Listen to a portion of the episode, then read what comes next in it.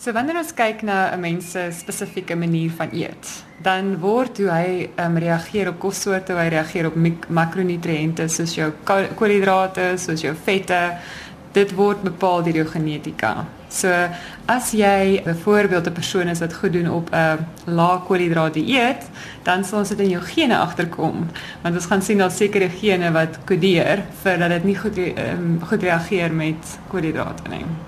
Wat kan jy alles uh, bepaal met hierdie DNS-toetse wanneer dit kom by 'n eetplan?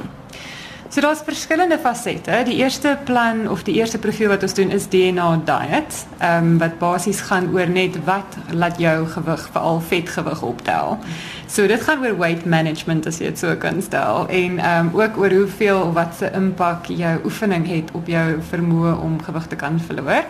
En dit sê vir ons of jy of die dierprodukte of die ehm um, of die vette en of die koolhidrate die grootste oorsaak is. So amper wat is die wat is die aspek wat vir jou jou grootste biggest bang for your buck sou gee as jy dit sou verander met betrekking tot die eet en hoeveel oefeninge bydra.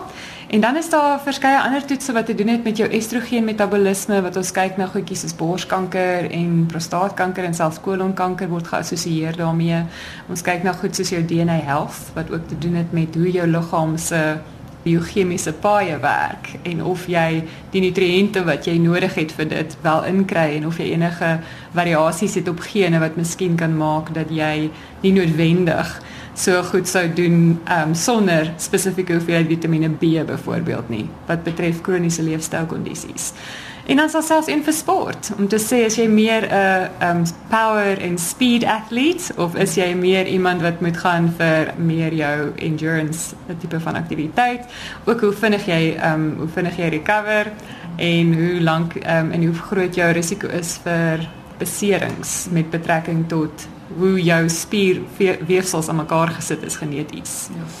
Alleen dan kom nou 'n kliënt na jou toe en hulle sê okay, ek wil nou 'n eetplan kry. Vertel vertel ek my die proses wat gebeur as die kliënt by daai deur instap.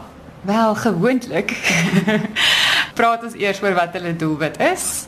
En dan wat ek gewoonlik doen is ek vat hulle deur 'n bietjie van 'n vraelys oor wat hulle gewoonlik sou eet en bietjie meer van detail daaroor.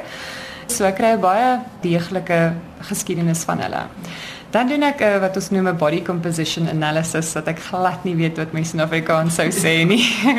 maar dit is nie net jou gewig nie, maar dit sê ook vir ons wat wat se hoeveelheid van dit is spiere, wat se hoeveelheid is vet, wat se hoeveelheid is water en wat se hoeveelheid is beenmassa. Dan nadat ons dit bepaal het, dan doen ons ook ehm um, 'n bietjie van enigiets wat opgekom het in die toets, ehm um, sou ek sê sou ek 'n persoon stuur vir bloedtoetse. En dan met betrekking tot of die genetiese toets aanbeveel sou word of nie. Ek vind baie mense kom na my toe al klaar met die behoefte om 'n genetiese toets te doen. Maar ek sou gewoonlik sê as 'n persoon nou 3 keer 'n dag McDonald's eet en 2 liter Coke uitdrink, gaan ek nou nie dink ons het 'n genetiese toets nodig om hom te help nie. Maar as hy ehm um, al alles probeer het, 'n redelike gesonde dieet volg en regtig sukkel met gewig, dan sou ek sê kom ons kyk 'n bietjie dieper in hierdie saak in. Nou genetika soos enige ander ding is nie standalone nie. Jy kan nie net die genetiese toets doen en dan het jy nou jou antwoord nie. Jy moet in ag neem wat is jou bloedtoetse, wat kom terug as jou hormoonprofiele, wat is besig om te gebeur met jou liggaamsamestelling. Jy mag dalk lekker lig wees, maar jy het nie 'n ons spiere aan jou nie, dit is alles net liggaamsvet. So dit is 'n hele geïntegreerde manier om na 'n persoon te kyk. So ons maak lewenstyl permanente veranderinge. 'n Paar wenke vir ons luisteraars. Dit is my ergste vraag wat iemand vir my kan vra, want dit hang so baie af van wie die persoon is. Ek sou sê vir meeste mense is dit 'n goeie raad om meer water te drink. Ons verwar baie keer honger en dors.